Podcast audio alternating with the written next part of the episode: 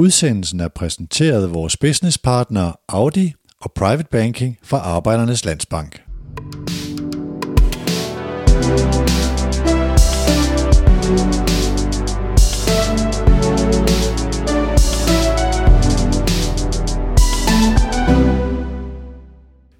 OB skal være fast i mesterskabsspillet, OB skal spille europæisk og nå til pokalfinalen inden fem år, OB skal spille fremadrettet, dynamisk og målsøgende fodbold. Men OB har også en, jeg gentager en placering i top 6 i 10 år. OB har udsendt et regnskab på 34 millioner i minus, og det var så koncernen øh, Odense Sport Events. Øh, og så er der nogen, der har kaldt OB for Superligans nye grå mus. Velkommen i Ådalen. Velkommen på besøg i et nyt... Øh, hvor, hvor nyt er det egentlig? Hvornår, hvornår, det er et år gammelt nu. Ja, det er et år gammelt, ja. Men det er faktisk første gang, jeg er her, så det, øh, øh, det, er, en, det er en stor fornøjelse at, og, øh, at se, hvad der er sket her et sted, hvor, øh, hvor jeg er kommet meget i min tid på Fyns Stifttiden, og også i andre tider i min, i, i min journalistiske karriere. Med mig her i lokalet sidder OB's direktør Enrico Agustinus, der har vist mig rundt. Mit navn er Peter Brygman. Mediano-mobilen er kørt over den store bro, og det er selvfølgelig en Audi Hybrid. Audi er Medianos businesspartner og også bilpartner hos OB. Yes. Ja. Det her hedder Mediano Bosworth, stedet hvor vi taler med Superligans topfolk, partner på Bosworth og Private Banking fra Arbejdernes Landsbank. Det kan du høre lidt om her, og efter det skal vi tale strategi 2026. Private Banking fra Arbejdernes Landsbank er mere og andet end bare investering. Det er først og fremmest formueplanlægning, der giver dig overblik. Du bruger for eksempel en stor del af dit liv på at opbygge en formue. Men har du også en god plan for, hvordan du klogest bruger den igen? At planlægge sin gæld er faktisk lige så vigtigt som at planlægge sine investeringer. Private Banking fra Arbejdernes Landsbank. Vi giver dig overblik og viser dig mulighederne. Enrico, lad os lige prøve at få præsenteret dig. Øh, det har jo mest været sådan de rene fodboldfolk, der sådan har tegnet OB'en, og sådan nogen, som også kommer på besøg og så videre. Hvad er, øh, hvad er din baggrund først? Vi skal nok komme til, komme til din OB-historik. Yes. Jamen altså, hvis vi ikke skal helt tilbage til mælketænderne, så, øh, så startede jeg med at arbejde for Torm Østergaard, shippingmanden i Middelfart i 98, og vi lavede i 2003 en øh, IT-virksomhed. Og øh, den afleverede jeg i april øh, måned 2018, så faktisk samtidig med mit 20-års jubilæum. Med, IT, IT Holding? Ja, det, på det tidspunkt var, var tingene, hvad kan man sige, samlet i IT Holding, øh, men, men det er den virksomhed, der hedder Unit IT i dag, ja. som også er en god partner i OB. Øh, og der nåede vi 100 millioner i omsætning og 100 mand, og så tænkte jeg, så, så er værnepligten over, øh, og så var det tid til noget nyt. Og fodboldinteresse og fodboldskarriere, er der sådan noget? Ah, jeg er ikke, øh, jeg er ikke, noget, jeg er ikke skave på fodboldbanen. Det blev til noget C1 ude i, i Vissenbjerg, sammen med John Slagter, der efterfølgende kom til OB. Okay. Øh, så nej, det, det, er ikke, det er ikke... Jeg har spillet masser af fodbold, og jeg har set rigtig meget fodbold gennem tiden, men jeg, jeg er ikke, jeg er ikke god i skave på, på banen. Men du har interessen? Jeg har set vanvittigt meget fodbold. Øhm, sådan din, øh, din OB-historik i forhold til at være på den anden side. Du var jo engageret i klubben igennem det, du lige har beskrevet.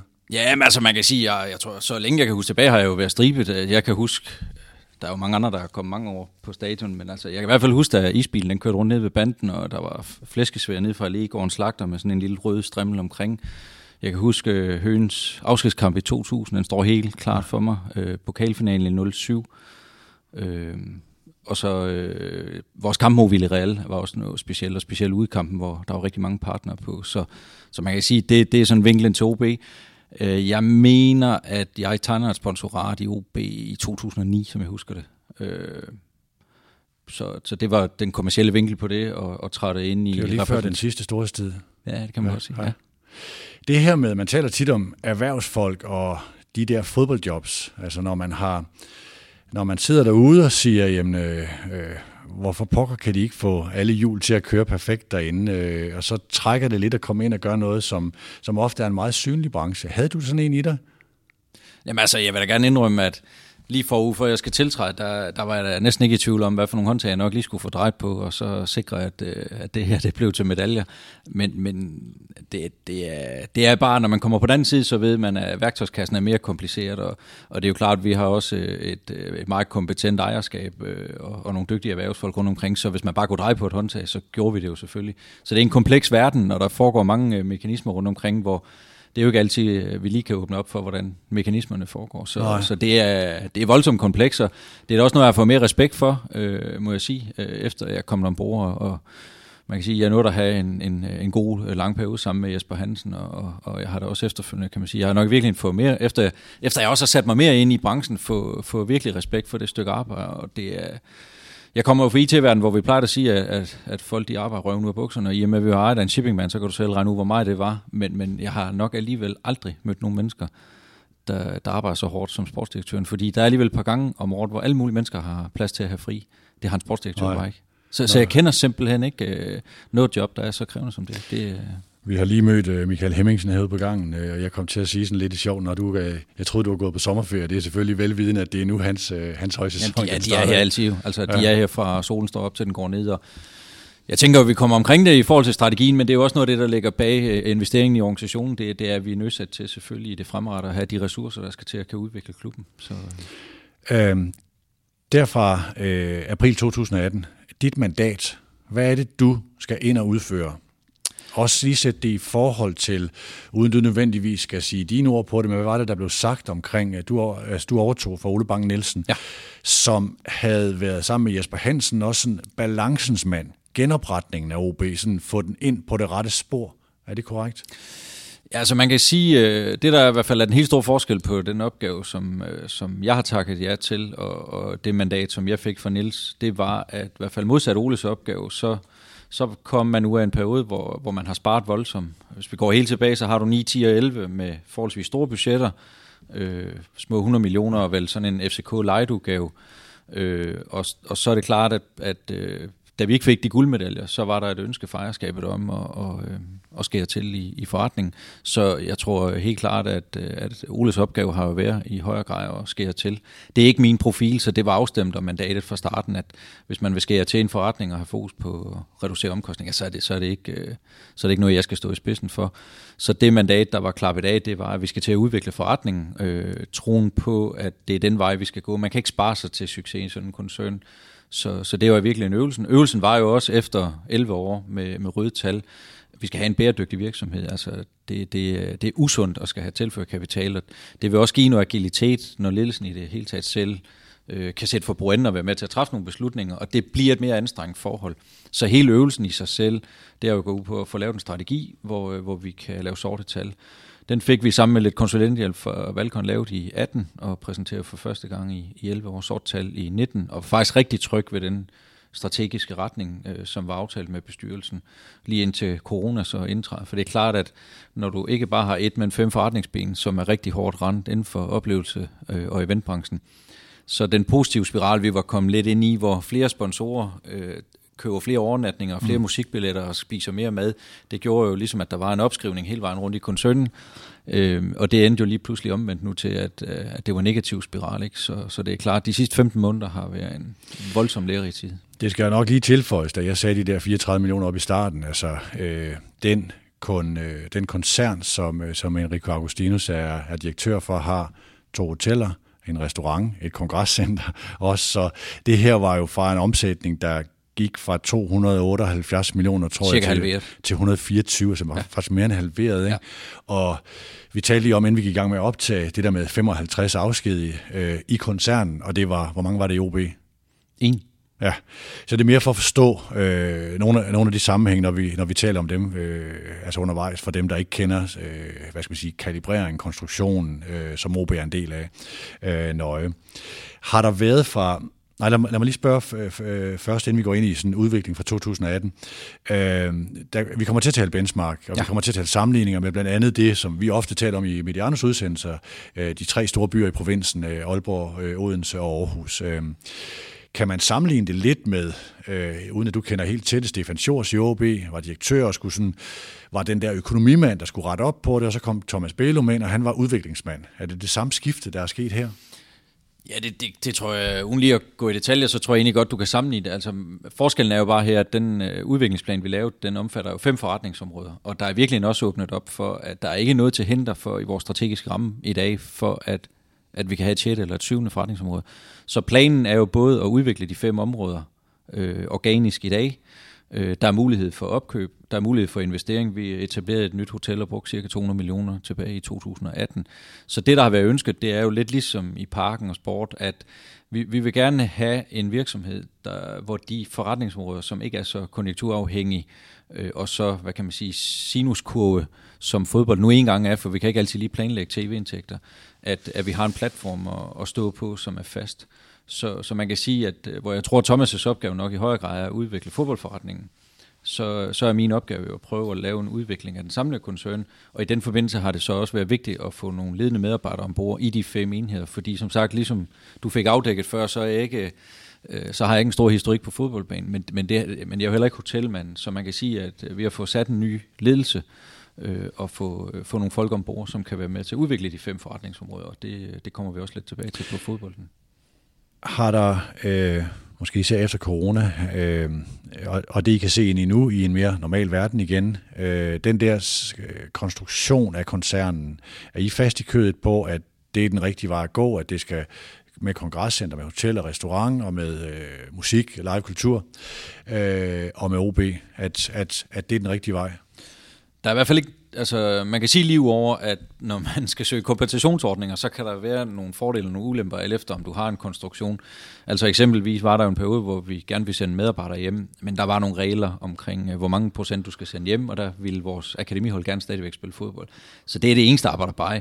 Men når vi taler med... Og det er vores... også tilbage til den der med CVR-nummer og ja, sådan noget, ikke? Ja. ja.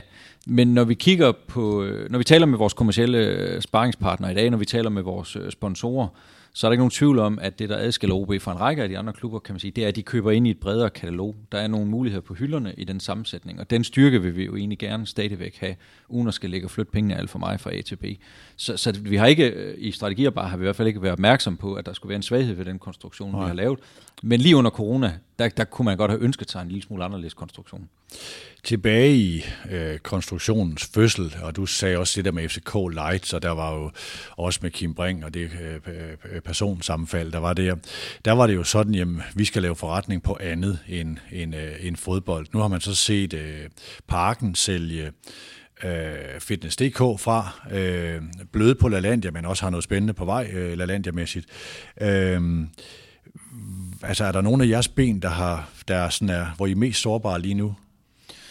Jamen altså, hvis vi kigger, øh, hvis vi kigger i bagspejlet lige nu, så, har, så er, øh, har alle benene jo i virkeligheden været sårbare øh, indtil for nylig. Øh, vi åbner det ene hotel 6. maj, vi åbner den her 25. juni. Men omvendt vil jeg sige, at vi forventer egentlig en, en god sommer, og, og bøgerne på, øh, på de fleste forretningsben ser faktisk rigtig fint ud for først i 9. Så på den måde har vi været sårbare. Øh, Øh, det er der jo rigtig mange andre end os, der har været i sådan en situation, og ikke kunne forudse det. Altså strategien tog simpelthen ikke højde, for vi blev bragt, øh, at båden tog så meget vand ind. Men, øh, men der er ikke noget, som gør i den sammenhæng, at vi tænker, at det er nu at skal lave en anderledes selskab, selskabskonstruktion, eller skal nå til og fra. Når det så er sagt, øh, så, så er vi jo købmand, så man kan jo sige, at skulle der komme et eller andet udefra, så ligesom at, at vi selv hele tiden er opmærksom på, om, om vi kan købe noget til, der kan styrke koncernen, så kan der jo komme et bud på en aktivitet, mm. som er så interessant, at så præsenterer vi det for ejerskab, og så kan de tage stilling til det. Hvordan har, eller i hvilket omfang har dit mandat ændret sig fra 2018 til nu, hvis vi lige tager det kan være svært, at tage corona ud af ligningen.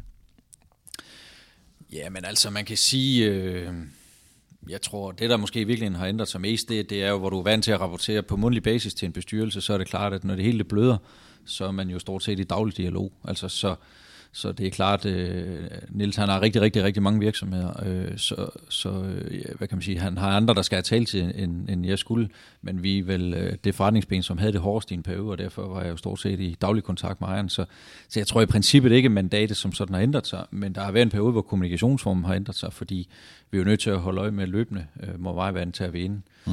Når det så er sagt, så kan man sige øh, lidt tilbage til det øh, omkring styrken i koncernen, det er jo også, at gudskelov i den periode, så har vi kunne tage en dialog direkte med ejerskabet, og, og det er jo fordelen ved, at der sætter en for bordenden, og vi ikke skal kommunikere med 20. Og i den periode også, øh, tror jeg, andre har haft det hårdt ved, at de skal tale med bankerne. Vi har trods alt øh, kunne tale direkte med ejerskabet. Så vi, vi har hele perioden har fokus på at begrænse tabet mest muligt. Hvordan kommer vi ovenpå? Og har ikke skulle sætte os slås med banker. Så, så det er jo øh, i hvert fald en klar styrke i, øh, i vores koncern, øh, måske i sammenligning med, med andre virksomheder, at der er vi relativt robuste. Ja, man har i regnskabsperioden lavet en kapitaludvidelse på, var det 60 millioner ja. i det der niveau, ja.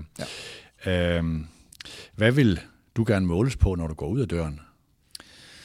Jamen altså som udgangspunkt, så, så var min opgave at lave en turnaround, og det vil sige, at øh, det, det er positiv bundlinje. Altså jeg skal skabe nogle resultater, og, og, og den dag jeg skal bæres ud af hjørnekontoret, så, øh, så skal der afleveres en bæredygtig forretning, øh, hvor vi ikke skal gå tiggergang ved, ved aktionærkredsen og bede om kapitaltilskud. Så, så det, det er udgangspunktet, hvis man kun må vælge et. Så kan der være en masse andre øh, række parametre, øh, som selvfølgelig også er vigtige. Øh, men det er jo enkeltstående det vigtigste, når man sætter i toppen. Og det er jo ikke fordi, at øh, hvad kan man sige, at kulturoplevelser for byen, eller medaljer til OB, eller andet ikke er vigtigt, men, men enkeltstående, øh, når jeg har ansvaret for gruppen, øh, så, så er det efter 11 år med, med rødtal, at vi simpelthen er nødt til at have balance i det her. Det, det, er, det er usundt at skal have tilført kapital. Når man, øh, hvis man lægger omsætningen sammen, hvor mange procent udgør fodbolddelen?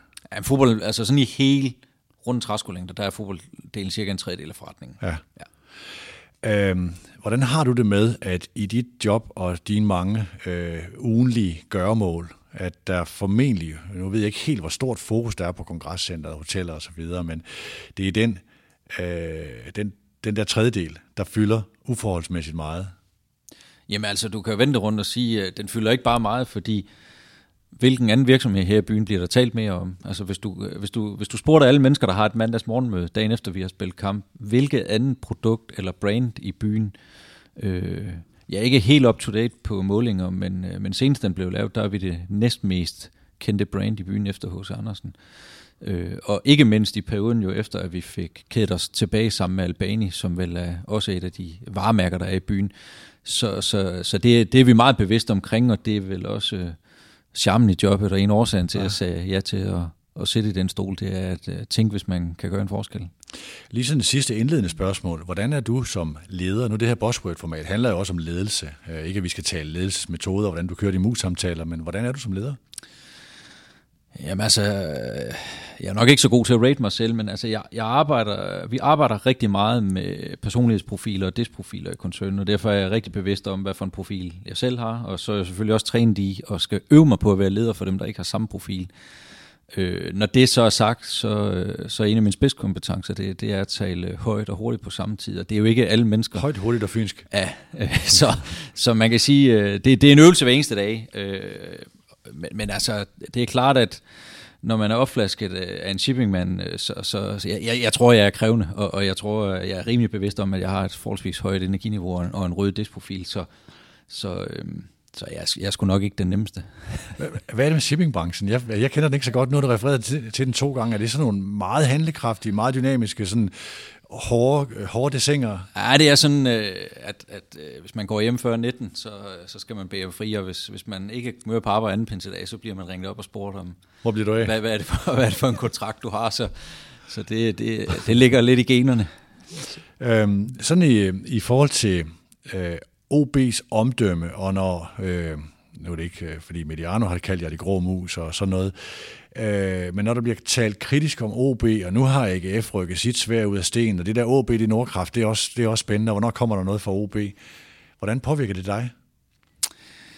Jamen altså, jeg, vi, jeg, jeg bruger ikke udtryk, og jeg bruger ikke specielt meget tid på, på lige nøjagtigt øh, den del. Vi bruger rigtig meget tid på at benchmarke, hvor vi ligger. Vi bruger rigtig meget tid på at sikre, at, øh, at vi skal få nok ud af den investering og de penge, vi bruger. Og det har vi åbenlyst ikke gjort, og det, det har vi også lidt tal på. Øh, vi er rigtig glade for, at der er en holdning til OB, øh, også i dårlige perioder, for man kan jo sige, hvis, hvis ikke der er en holdning til OB, så kan vi jo lige så godt smide håndklædet i ringen. Mm. Så, så på den måde lever vi jo i godt og ondt med, at, øh, at der er holdninger. Øh, jeg har selv jo sættet på den anden side af bordet at være kritisk sponsor igennem en årrække, så, så jeg elsker øh, kritiske spørgsmål og belønner dem gerne. Øh, så på den måde kan man sige, det, øh, det, det skal man bare leve med, og, det, og det, vi lægger ikke søvnløs over det, vi, øh, vi sover godt om natten. Men vi vågner frisk på hovedet på hver eneste morgen, og er bevidste om, at når vi kigger på de tal, der er for de sidste fem år, så er der åbenlyse forbedringsmuligheder. Øh, og det har vi taget hul på og har lagt, synes jeg, en, en god plan for, som vi også igennem de sidste uges tid har brugt meget tid på at kommunikere.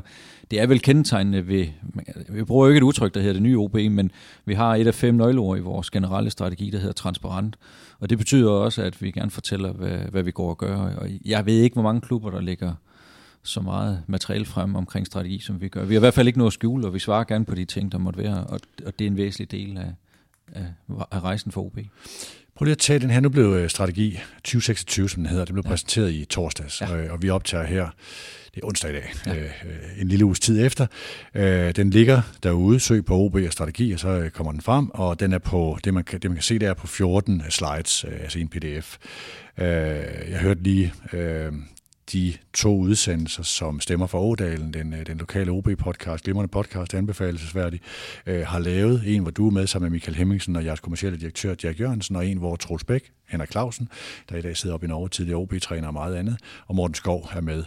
Øh, fra den sidste, der siger de det der med, at den, det er meget målsætninger, de der 14 slides. Det er interessant, at det, der ligger nedenunder. Ja. Det, der vender indad i organisationen. Ej, jeg ved ikke, om det er, altså, jeg ved ikke, om det er hele målsætninger. Altså, vi har en slide, hvor vi beskriver øh, spillestil, øh, vi beskriver akademi, vi beskriver rekruttering, øh, vi beskriver investering i organisation, digitalisering, og det er jo ikke målsætninger. Men det er korrekt, at når, der var faktisk nogen, der havde noteret sig, at pdf'en den hed offentlig. Og så er der måske nogen, der har gættet, der også er en, der, der hedder intern. Øh, og der står faktisk rigtig, rigtig meget omkring spillestil. Øh, og der ligger nogle dokumenter bagved, og der er nogle øh, videoer bagved. Mm. Og det er jo noget af det, som vi fremadrettet skal sikre os er identisk. Men det lægger vi jo ikke frem, og, og du kan jo prøve at søge på Nordkraft i OB, der er jo masser af fint materiale, men jeg har heller ikke lige kunne få alle deres uh, træningsøvelser og spillestil frem i detaljer. Så det er vel ikke atypisk for en virksomhed upagtet, om du driver en fodboldklub eller en anden type virksomhed, at man vil gerne fortælle en retning, øh, men der er også grænser for, så, så jeg var ude at spise den anden dag og spurgte efter opskriften på sovsen, og det kunne jeg så ikke få, men den smagte godt, og så må man jo gætte sig til, hvad ingredienserne er, så, så det er vel ligesom en god kok, øh, der gerne vil øh, komme ind til bordet og fortælle lidt om, omkring øh, det mad, der er på tallerkenen, men det er ikke sikkert, at du får opskriften med, og det samme er gældende her. En ting, vi kommer tilbage til, det er, jeg vil udsætte Enrico for ikke-testen. Altså det her med, det er jo nogle, det er nogle rigtig fine ord, jeg tror, mange kan købe ind på det, og sådan vil man gerne ses, men det er, jo, det er der muligvis også mange andre, der gerne vil. Så en, en forhåbentlig rød tråd, det er, jeg vil lede efter, hvor er OB helt særlig? Hvad er jeres USP? Men inden vi kommer dertil, så vil jeg godt prøve at gennemgå sådan det, man ofte gør, når man starter en strategiproces, det er at lave det, der hedder en SWOT. Det ved ikke, man stadigvæk gør. Det gjorde man dengang, jeg, jeg, jeg lavede mest af den slags, altså hvor man kigger på styrker, svagheder, muligheder og trusler, altså uh, strength, uh, weaknesses uh, og opportunities og threats. Hvis vi prøver at starte med OB's styrker, hvad er de så? Øh, vi har faktisk lavet en SWOT, øh, og vi har lavet det både på koncernen, og vi har lavet det på OB. Og lidt tilsvarende vores øh, kommunikation, så, så vil jeg sige, at øh, der er selvfølgelig nogle af tingene, jeg gerne vil åbne sløret for, men når man inden eksempelvis at snakke øh, svagheder, så, så er der også øh, mm. nogle af tingene, som vi har arbejdet internt med. Øh, det er klart, at øh, en af vores styrker, det er, at vi har en øh, kapitalstærk ejer, og det er klart specielt i en turbulent tid under corona, der kommer det virkelig til udtryk, at man ikke øh, skal sætte og slås mm. med banker, men øh, man kan føre virksomheden videre med, med rolig hånd. Det betyder også, at øh, vi, øh, vi selv opfatter, at vi er hurtigt til at træffe beslutninger. Når Michael, som du så, sad for lukkede døre i dag og, og arbejder transfervindue, så skal han kun sende en sms til en, og ikke til 10 ja. eller 20. Må jeg, må jeg øhm. lige spørge angående ejer? Det er ikke sikkert, det, det er dig, der skal svare på det, men Jan Bæk Andersen i Brøndby har været ude at tale om, han vil egentlig godt have en, en medejer. Ja. Øh, og mange andre klubber øh, sker der meget på ejerskabskontoen. Er der nogen som helst, og det er jo nok ikke noget, du melder ud i en podcast øh, fra, fra Vandløse, men er der nogen som helst bevægelse i den retning? Er der nogen interesse i det her? Jamen altså, der kommer der, kommer der hele tiden øh, hvad kan man sige, henvendelser omkring øh, virksomheden. Øh, det gør der jo, når man driver en interessant virksomhed. Jeg tror specielt i kølvand på et U19-mesterskab, hvor vi vel for en relativt begrænset økonomi performer super godt sidste år. Øh, så kommer der nogle henvendelser, og som jeg også sagde til både Stemmer for Ådalen og nogle af de andre, der var her sidste uge, som tror jo, at det OB er lukket land. Øh, der står faktisk i min kontrakt, jeg er jo forpligtet til at, at give sådan noget videre, hvis jeg bliver bekendt med det. Så der er ikke noget lukket land. Øh, det jeg også kan sige i dag, det er, at vi har en række aktionærer, og, øh, og strategien i år 2000 var jo, at OB skulle have et bredere ejerskab, og derfor øh, var der 20 aktionærer, der, der købte ind. Så har der skulle tilføres midler af mange omgange og store beløb. Fodbold er en dyr sportsgren i forhold til en række andre. Og der er så en række af de aktionærer, der gang på gang ikke har ønsket at købe ind, og derfor står Niels tilbage i dag med en noget større aktie. Ja. Ja. Men det er jo ikke et bevidst valg. Det er jo fravalg for de andre. Så når vi byder ud, så har vi nogle helt almindelige forretningsordner og nogle vedtægter, og det beskriver, og vi skal varsle så og så mange uger, og så tilkendegiver aktionærerne, hvor meget de vil købe ind på. Så der er jo mange, der tror, det er sådan et uh, enevælde eller diktatur, hvor vi ligesom siger, at vi vil gøre sådan og sådan. Det her står folk frit for. Så vi kører fuldstændig efter de vedtægter, mm. i regler skal være. Men det er jo klart, øh, når du lige nævnte før, at vi har fået tilført 60 millioner, og det har vi jo altså gjort af nogle omgange, så er det en dyr hobby. Når man hører nogle af de der øh, samtaler, øh, der har været, og man har tilgængelige med dem, der købt sig ind i Esbjerg, Sønderjyske, Jammerbugt og hvor det ellers har været, ikke? så har nogle af dem været rundt og kigget. De har fat interesse for det skandinaviske marked og sådan noget. Er der nogen af dem, der har været forbi jer? Og kigge Jamen, i altså, bøger? Jeg vil ikke lige sætte navn på, øh, på nationalitet og blodtype på dem, vi løbende taler med, men jeg kan bare sige og bekræfte, at, øh, at der løbende er interesse øh, for OB og for, for vores virksomhed. Og det bringer vi videre og, og kigger på fra gang til gang, om der skulle være noget interessant. Men, men igen vil jeg gerne understrege, det er ikke lukket land, og hvis der kommer noget, hvor vi kan se, det der, det, det skulle se interessant ud, så, så vil ejerskabet helt sikkert tage, tage stilling til det, selvfølgelig vil det det. Fordi det vil jo sådan set, altså, det vil ændre lidt på den retning, der ligger i strategien her, som jo er, nu skal vi først blive dygtigere til de ting, vi skal have styr på, vi skal have en kontinuitet ind, øh, og eksekvere de her ting mere, når mm. vækste ved at tilføre flere penge. Der har man været. Ja. Øh, tilbage til styrker. Yes. Øh, ja, så har vi jo en, øh, en rigtig robust øh, konstruktion, øh, når der ikke lige er coronatider, fordi at, øh, at vi har nogle øh, forretningsområder, som øh, per definition skal være overskudsgivende. Det er også defineret i vores mm. overordnede strategi, at, at de fire af de fem forretningsområder, de skal per definition være overskudsgivende, og så lever vi med den lidt hvad kan man sige, større usikkerhed der omkring øh, fodbolden. Så har vi et rigtig, rigtig stærkt øh, B2B-produkt i Odense. Øh, jeg har jo ikke tallene for alle byerne, men der er ikke nogen tvivl om, selvom det har været en turbulent tid, så, øh, så har vi voldsomt stor opbakning for øh, sponsorer. Vi har en rigtig, rigtig høj gentagningsrate. Og det hænger jo selvfølgelig sammen med, at mange af de samarbejdspartnere er jo også samarbejdspartnere på de fire andre forretningsben. Så hvor fodboldforretningen, hvis den havde stået alene, var noget mere sårbar, fordi der skal du kigge på et fuldstændig rent branding øh, eller relationspræget sponsorat, der siger, øh, står sponsoratets værdi øh, mål med det, jeg får. Men fordi vi jo kan tilbyde mange af vores sponsorer, og det er jo ikke bare de fire ben, der er i Odense Sport og Event. Mange af dem er jo også samarbejdspartnere på hele 3C-koncernen. Øh, det har virkelig øh, vist sig at være en styrke øh, i den her periode, og derfor ligger vi øh, trods omstændighederne med, med en rigtig høj gentagningsrate. Man kan jo sige faktisk i en sæson, hvor vi ikke performer og ikke rammer vores målsætning i top 6, der kunne vi faktisk have fået en større øretæve rent kommercielt, end vi har fået under corona. Så en rigtig, rigtig øh, robust øh, konstruktion. Så ligger vi jo øh, et godt sted geografisk i forhold til, hvis vi kigger på konkurrenter. Øh, det kommer jeg lidt tilbage til også under svaghed. Øh, der er vækst på Fyn, der er vækst i Odense, på, på befolkning og på virksomheder. Øh, Øh, der er rigtig, rigtig godt gang i Odense. Der er aktiviteter. Du har sikkert mødt, jeg ved ikke mange vejarbejdere på vej herinde, men, men der er rigtig, rigtig godt aktivitetsniveau. Og man ser jo nogle af de type virksomheder, der kommer, teknologiarbejdspladser osv., at det er langtidsholdbart. Så det er helt klart også en øh, styrke.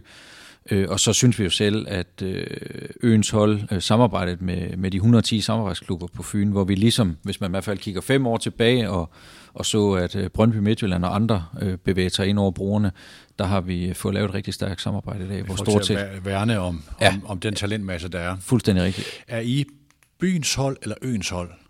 Jamen, vi er jo i princippet begge dele, for man kan sige, at... Øh, kan man det lige meget? Ja, det kan du godt, fordi at i forhold til at vores hjemmebane, det per definition skal være i Odense, så kan vi jo ikke lægge skjul på det, og vi vil også gerne bakke op omkring øh, stadionplaner i Boldbro. Men i forhold til vores samarbejde, der er vi jo øens hold øh, Men hvis jeg i det bad samarbejde. dig skulle vælge, du må kun vælge et af de to ord. Hmm. Jamen det ved jeg sgu ikke, om jeg kan. Sådan, sådan ser vi egentlig ikke på det. Okay, altså, det, det er ikke for os enten eller. Altså det er jo virkelig, når du nu spurgte til styrkerne, så, så, så er det jo det, der er forskellen på os. Det er ligesom, hvis du kigger på geografien, så modsat AGF og Randers, så ligger de jo i et relativt tæt område og slås ja. om de samme medarbejdere, ja. om de samme ungdomsspillere. Øh, og der, der, der ligger vi øh, rigtig godt geografisk. Synes, så så vi, ser, vi, vi, ser ikke, vi ser ikke forskel på... Øh, vi, vi lægger os lige så meget i selen for at lukke en sponsor i Odense, som vi gør i Assens Bones Academy i Nyborg. Jeg synes bare, jeg kan huske det der med, at, at hvor det var den meget tydelige øens hold, og det her med spillerne i højtalerne, og hvor de kom fra og så videre, for ligesom at fagne. Men så fandt de i løbet af tierne ud af, at jamen, det starter i byen. Det er vores sorte plet inde i midten af skiven, og så vækster vi ud fra den. Altså, men det er måske mere i forhold til tilskuere. Ja, øh, altså, folk så, sådan ser vi det ikke. Tværtimod i dag, kan man sige, hvis skulle vi have lavet en video til strategien, så tror jeg i virkeligheden, så har jeg optagelserne startet på en kartoffelmark ude i Assens, og så har du fuldt spiller ned, og så har du set ham øh, hoppe på toget og tage letbanen ind og, og træne øh, i Årdalen. Så, så vi ser det ikke som enten eller, vi ser det som Nej. både og. Fordi det ene er jo i virkeligheden en fødekæden til, til den professionelle del. Så lige et spørgsmål til, nu bliver der nogle gange sagt, at I kritiske fans i byen, jamen Torborg, øh, hvad vil han med OB, og er det i virkeligheden mest den der netværksting? Men det er jo også en styrke, at øh, et godt netværk, øh, som Jamen, jeg også kender det fynske erhvervsliv jo meget er, at der kan jeres ejer være med til at åbne døre, så Jack, dine, dine, dine kolleger inde ved siden af, kan sælge nogle flere sponsorater. Er, Jamen det ikke altså, også, er, er det ikke også en styrke? Jamen, jeg ser det som styr. Altså, jeg, jeg har egentlig allerede forstået den problemstilling, for man kan jo sige, hvis ikke vi havde den ballast i øh, Odense Sport og Venter i 3C-koncernen, så, så tror jeg at vi har fået en øretæv af den anden verden under corona. Øh, og det ved jeg, at der også andre klubber har bokset hårdt med. Øh, og så skal man huske på, at Niels er en travl mand, så det er jo ikke, det er jo ikke sådan, at han sætter i sponsorzonen eller blander sig i det arbejde. Det er jo virkelig en øh, bredden i koncernen og, og, og de relationer, som skabes ind, som skal give den styrke, øh, der er i det. Så, så jeg har øh, noteret mig nogle omgange, at, at det skulle være den del, men, men, men jeg kan egentlig ikke se det. Altså jeg kan ikke se, hvor det negative skulle være i den. Det er jo, det er jo styrken i det. Ja. Øh, det, er jo, det er jo styrken for sponsoren, at upagte, at der er svingende resultater på sportsbanen, så er der mange af dem, der får øh, forretning ud af de andre forretningsben, og derfor bakker de positivt op omkring. Ja, fordi lige når den del, altså man kan sige mange ting om OB's ejerskab gennem de sidste 10 år, så noget, ikke? og det har vi nok også gjort på Mediano, men Øh, jeg, jeg sælger også sponsorater. Jeg kan da godt have en, der kan åbne dørene til, øh, til, til de virksomheder, som man gerne vil have i tale. Det, det, den, den del må sådan set være et fordel, tænker jeg. Jeg kan ikke se øh, andet, Nej. at øh, det, det er samme syn, jeg har på det, og, og jeg har aldrig forstået uh, problemstillingen, uh, fordi det, det, er jo, det er jo kun en, en upside for de stribe, kontra hvis du havde en, en OB-klub, der stod alene, uh, så er der ikke nogen tvivl om, så har vi haft endnu hårdere tider ja. igennem de sidste 12 måneder, i hvert fald rent kommercielt. Så lad os på gå over til der, hvor I er øh, ikke svage nødvendigvis, men sårbare. Yes. Øh, Jamen altså, man kan sige, vores, øh, vores største, nu skal man sige, SWOT'en som udgangspunkt øh, er jo lavet øh, for, øh, for godt et halvt års tid siden, ja. og, og den er jo lavet øh, baseret på bagspejl. Men, øh, men enkelstående, så er det klart, at vores evne til at få point u er hver million kroner. Det har vi simpelthen ikke været dygtige nok til. Øh, så, så så det er, det, det er en væsentlig svaghed, kan man sige. Altså i forhold til de ting, I måler på, ja. investerede kroner ja. i akademiet, investerede kroner i uh, spillere erhvervet udefra osv.? Ja, specielt på Superligaen. Ja. På akademiet har vi faktisk overperformet, men på okay. Superligaen ja. har vi underperformet. Øh, så er det en svaghed, at vi ikke har nogen lokalrivaler. Øh, vi kan ikke skabe noget hype. Øh, vi kalder jo opgørt mod Vejle et lokal derby. Men i dagligdagen, så gav vi jo godt kunne sætte nogle valgplakater op, ligesom i Aarhus, hvor Randers og AGF kan drille hinanden. Så det hype, der blandt andet kan være øh, blandt øh, fans og, og sponsorer osv., det er svært at skabe. Øh, Mm. Så der er jo mange, der tror, øh, og det er vel også, når man lytter lidt på vandrørene her i byen, som, som har en eller anden øh, idé om, at OB ikke kunne tåle en konkurrent her i byen. Vi opfatter faktisk, at det kunne være med til at styrke vores forretning. Så du kender sikkert historien om 9'erne og 13 og andre hold, der er ved her i byen, og at der er en eller anden udbredt opfattelse i OB om, at det er en fordel for os at stå alene. Vi opfatter det selv som svaghed. Der er noget med OE's mesterskaber, ikke? At det er vundet i en, de er alle sammen vundet. Er det ikke sådan noget med, at der er en historik for, at de er vundet i en sæson, hvor der var et andet fynsk hold i den bedste række? Jeg kender ikke, jeg kan ikke huske alle tre. Nej. Nej. Jeg synes bare, jeg har hørt på et tidspunkt, og nu er jeg sådan, jeg har arbejdet på Fyns Stifttidene tilbage i uh, 89 til 91, og, uh, og var her, da, da, da Robert Poulsen var træner ved det, ved det seneste mesterskab og fuldtollet der, ikke? Og der var det da stadigvæk sådan, der var, der var OKS, og der var B109, og der var B113, der var selv B109, ikke? Der sådan var, det var begyndt at gå ned ad bakke, og hvor skulle, det, skulle man hen? Ja. Uh, altså OB var ved at rykke fra der, ikke? Så jeg, jeg kender godt de der bevægelser, som ja. jo også er meget uh, historisk ja. betinget. Men, men der må jeg bare sige, at vi opfatter dem fuldstændig modsat. Mm. At, øh, og det er jo også en del af det, der ligger omkring øens hold, at øh, vi, øh, vi bakker jo også økonomisk op omkring nogle af klubberne, har øh, noget tab- tilbagebetalingsordning i forhold til aflevering af talenter. Vi hjælper med topcentertræning øh, ude i klubberne, og, og det er et klart ønske for os også, hvis vi kunne skabe en, øh, en rigtig øh, stærk, solid første divisionsklub, fordi så har vi også mulighed for, når vi har øh, perioder, hvor der er nogle spillere, der ikke lige får nok spilletid, øh, og kanalisere dem den vej rundt. Øh. Kan man gøre noget i forhold til, øh, nu bruger jeg bare en reference til, øh, hvor FC Midtjylland arbejder med Fredericia. Øh, er der nogle tilsvarende tanker med jer? Øh, altså man kan jo sige, øh, modellen i Øens hold er jo lidt det samme, du så her sidste år. Vi havde to omgange øh, to af vores øh, unge talenter, som øh, manglede lidt spil til lejet ud til middelfart. Øh, så, så hvad kan man sige, modellen foregår allerede i dag, men det er jo klart, øh, når vi øh, også går ud og, og markerer, at vi vil ansætte en fodbolddirektør, så er det jo fordi, at, at vi har samarbejdsklubber, hvis du kigger nedad, men vi, øh, vi mangler måske noget, hvis du kigger opad. Jeg skal jo lige sige, at øh, her var vi op til onsdag, der var nogle udmeldinger i kølvandet på strategiplanen med en ny fodbolddirektør, en ny assistenttræner. Man har i dag annonceret, at Peter Feher øh, starter som assistenttræner her sammen med, øh, sammen med Andreas Alm og, øh, og Henrik Hansen. Ja. Øh, Peter, der har været i Nordsjælland og øh, ja, HIK og senest i, øh, i OB øh, og har arbejdet meget med, med, med unge spillere. Har jeg lige sendt ud. Har faktisk en time her for begyndt at optage med som, som pressemeddelelse. Yes. Hvad med fodbolddirektøren? Hvad er tidshorisonten? Åh, oh, der arbejder vi også på højtryk, og jeg går på ferie fredag den 2. juli, og har der en målsætning om, at jeg skal have det på plads, inden jeg går på ferie, så ja. at, at vi kan sove. Og profilen i forhold til, hvor meget gør det ved dit arbejde, hvor meget gør det ved Michael Hemmingsens arbejde, at der kommer sådan en ind?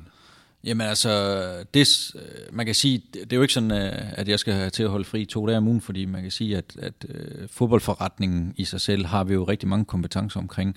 Men der er jo også nogle enkeltstående opgaver, som vi blev meget bevidste om i, i det analysearbejde, vi lavede for for strategien, hvor vi for nu bare at lægge det lige frem og være helt ærlig siger, at vi har ikke ressourcer, vi har faktisk ikke nogen folk ansat til at varetage den stilling i dag. Øh, så blandt andet af nogle omgange har der været nogle henvendelser fra udenlandske klubber, der gerne vil indlede et øh, strategisk samarbejde. Men vi har jo ikke et team sættende, ligesom jeg tror i Midtjylland, et OVP's ansvarsområde, og, og hoppe på flyveren og tage ud og finde ud af, øh, hvad ligger der i det. Øh, så det er jo et af de ansvarsområder mm. som den nye fodbolddirektør. Det vi også gerne vil sikre med det, det er jo virkelig, at Michael får endnu flere ressourcer til at være tættere på sporten, Øh, han er mega god, øh, når han er tæt på banen, øh, og, og bruge tid på at kan udvikle vores spillere. Sådan i forhold til, det er altid interessant med sådan nogle øh, stillinger der, det er referencen. Vil fodbolddirektøren referere til dig eller til ja. bestyrelsen? Til dig? Ja, altså rent organisatorisk, så vil det være sådan, at fodbolddirektøren refererer til mig. Men det er jo sådan i OB, at alle, der træffer væsentlige sportslige beslutninger, refererer til sportsudvalget. Så vi træffer ikke Nej. beslutninger om væsentlige køb og salg af spillere, eller ansættelse af en træner, øh, uden at det er et enigt sportsudvalg. Så og den vej rundt, kan man sige, så, så er det sportsudvalget, der er mandatet. Og vil Michael Hemmingsen referere til fodbolddirektøren? Øh, det vil han øh, gøre på det fodboldmæssige, ja. Men, men det er ikke anderledes end, at på køb og salg af spillere, eller ansættelse af træner, øh, der er det altid noget, vi koordinerer i fodboldudvalget. Så, og det, det er jo et samme ledelsestil, vi kører resten af koncernen. Hvis jeg påtænker at ansætte en, øh, eller gøre noget i direkte reference, så orienterer jeg også bestyrelsen den vej rundt. Så Hedder det fodboldudvalg eller sportsudvalg? Sportsudvalg. sportsudvalg. Bare, bare, hvis jeg lige øvrigt hurtigt skal forklare det, for der er faktisk pænt meget forvirring omkring det. Når man har en koncern som Odense Sport og Vent, så har vi jo en samlet koncernbestyrelse der, og vi er også forpligtet til at have nogle medarbejderrepræsentanter. Når man skal drive en fodboldklub, hvor vi skal træffe beslutninger inden for fem minutter, så er der jo rigtig mange beslutninger, som vi af god grund ikke kan træffe i en bestyrelse. Derfor har vi det, der hedder sportsudvalg, jeg tror i teknologiverden her i byen, der hedder det Advisory Report, men mm. det er jo for at sikre, at vi er agile og kan træffe hurtige beslutninger.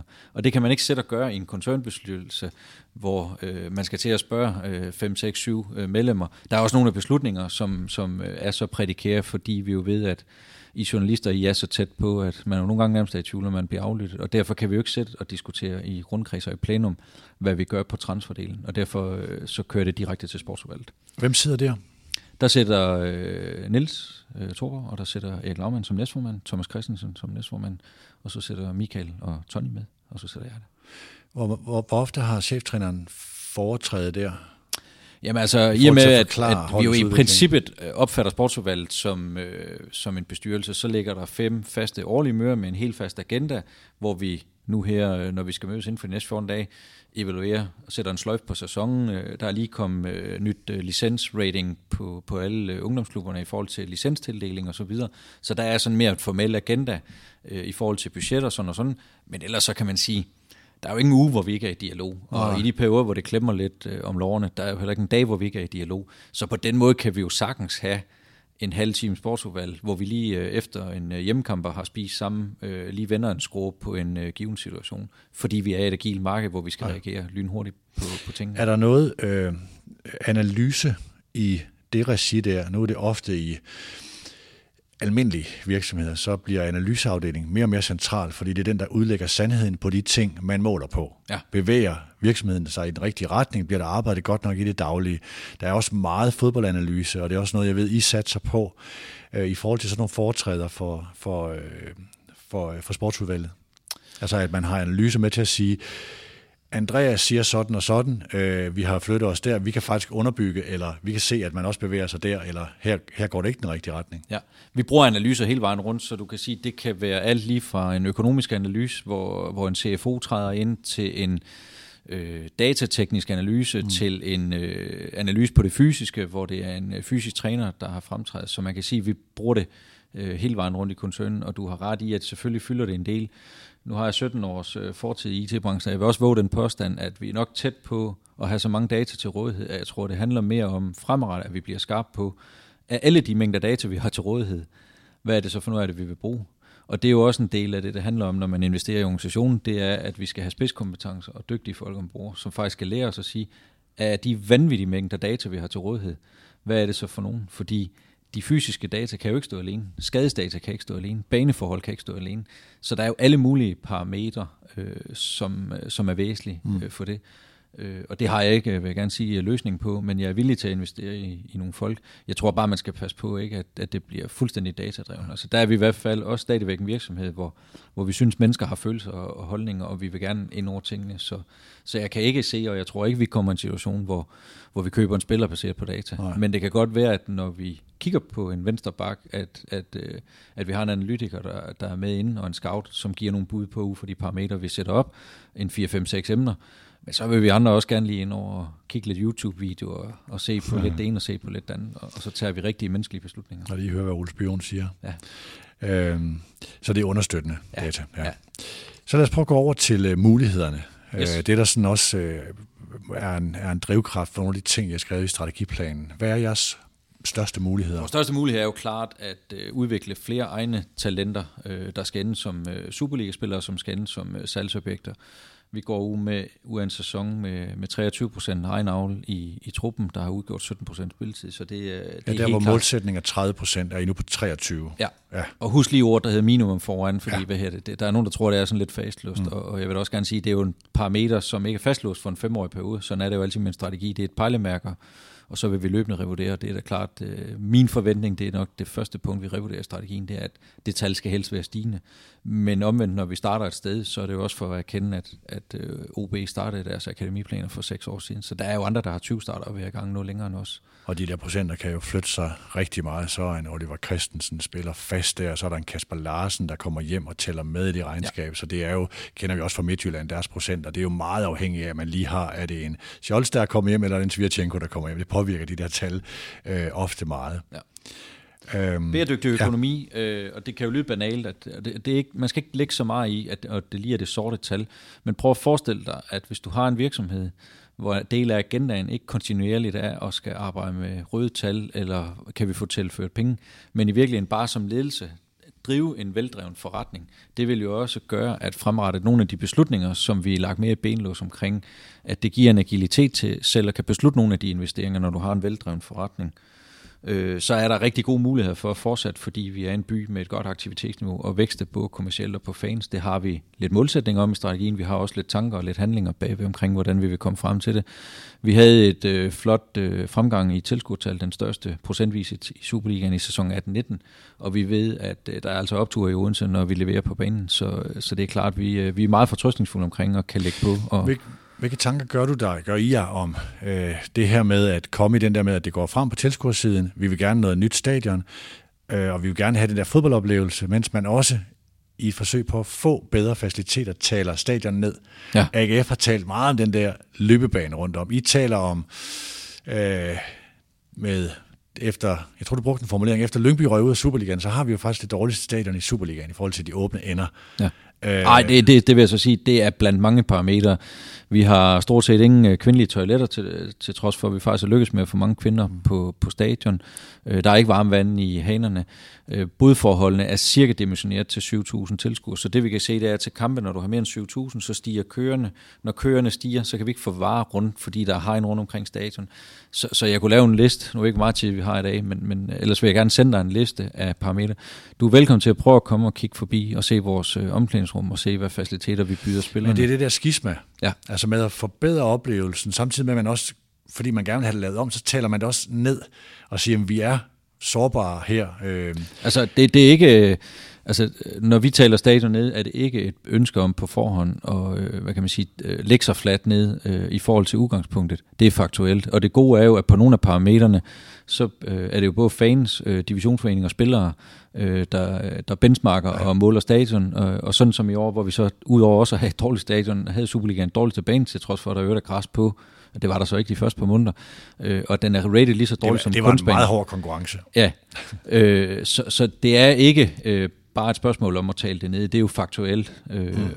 dårlige faciliteter, dårlige forhold, og, og det er jo ikke øh, rimeligt øh, i et marked, som jo er hårdt konkurrerende, fordi øh, vi, vi kigger jo også ind i, at der er rigtig mange underholdningstilbud en søndag i Odense. Så vi er jo ikke bare i, i konkurrence med os selv, vi er jo i konkurrence med alle de muligheder, som hvis du åbner en app og går ind på mit Odense, øh, så bliver du tilbudt 20 andre underholdningsforslag. Mm. Og der er faktuelt bare sådan, at på mange stadioner i dag, der har du en sikkerhed for, at mens du skal se fodbold, så kan du stå i tørvejr. Øh, det kan du ikke uden, så jeg vil, anbefale dig at købe en, flyverdragt, fordi der er en voldsom tværgående vind. Det er mega koldt. Det her med akademiet, og investere i talenter og den her spilletid. Og I refererer også i nogle af de øh, samtaler, jeg har hørt øh, i, i, i forlængelse af fremlæggelsen af strategien til Brøndbys eksempel i den her sæson, hvor Carsten V. Jensen bruger det her udtryk med at slå døren ind, så træneren ikke kan undgå at bruge øh, altså, øh, de her talenter, og værdiskabelsen sker i at give dem de spilleminutter på, øh, på førsteholdet. Øh, når jeg rundt og taler med klubberne, så er de ofte ret åbne om, hvor meget investerer de i talentet eller i akademiet, så siger jeg tror, Henrik Tønder siger 7 millioner i Vejles Akademi. Steinlein siger 15, eller det var forrige gang, jeg talte med ham i forhold til, hvor meget de investerer. Og øh, Brøndby og FC København Midtjylland øh, er formentlig i nærheden af 20 millioner i det, de investerer i det. Øh, OB øh, bevæger sig også fra de der gamle fem op mod, jeg ved ikke, hvad de bruger i dag. Jeg kunne forestille mig, at de nærmer sig 10 millioner, de, de investerer i det. Hvor ligger OB henne? Jamen, vi ligger på et øh, meget stort encifret millionbeløb. Og når det så er sagt, så kan man sige, så kan man jo ikke lige trykke ind på balancen og trykke akademi, fordi det er jo ikke sådan, øh, hvis jeg har en dag i Ådalen, så registrerer jeg tre timer, så arbejder på akademi og fem timer på Superligaen. Så, så det er jo altid et spørgsmål om mm. en eller anden nuance og kigge på, øh, kan man opgøre det. Øh, og der er jo nogle af vores mennesker, som øh, indimellem øh, dobbeltjobber, eller, eller har nogle opgaver, som er tværgående i forretningen, og det er derfor, det er ikke fordi, jeg ikke bare lige vil slynge et eller andet tal ud og sige til dig, Øh, men, men det er jo ikke sådan en, en knap, vi trykker på, men vi er da bevidste om, øh, hvor vi ligger henne, øh, og, og kigger også et benchmark på, hvor de andre klubber ligger. Så når vi synes, vi gør det godt i forhold til den økonomi, øh, som vi benytter os af, så, så tilsvarende, at vi ikke har performet på Superliga, så er vores vurdering, at vi, vi overperformer på akademi. Nu har du sikkert set, der kom nye tal ud fra DBU i går, og øh, der ligger vi jo øh, flot på en femteplads, øh, og har også flyttet os markant i forhold til, øh, til Ja, på licensrangering. Ja. ja. Så der er ikke nogen tvivl om, jo, at, at i forhold til, at øh, da Tony kom ombord, og vi rigtig investerer ind i akademi, der øh, på få år har vi jo virkelig fået hentet noget momentum. Øh, og hvis du kigger på den selv der og ser, at øh, vi har en fornuftig afstand ned til AGF øh, og OB, øh, nogle af de klubber, vi sammenligner os meget med, til trods for, at vi bruger et encifret millionbeløb, så, så er det en rigtig, rigtig god performance. Og det er jo et spørgsmål om, at der er mange mennesker, der arbejder hårdt øh, og, og hver eneste dag øh, går i den rigtige retning for at skabe nye talenter. Prøv lige at lade os øh, tage den der USP-filter øh, også på, på den her. Nu, øh, det godt være det spørgsmål, der skulle rettes til Michael Hemmingsen eller Tony Hermansen. Øh, Tony Hermansen har sagt den der skønne formulering, man skal kunne kende et OB ungdomshold, selv når de spiller i bare maver, ja. i forhold til at den der spillestil, ja. man skal stå for.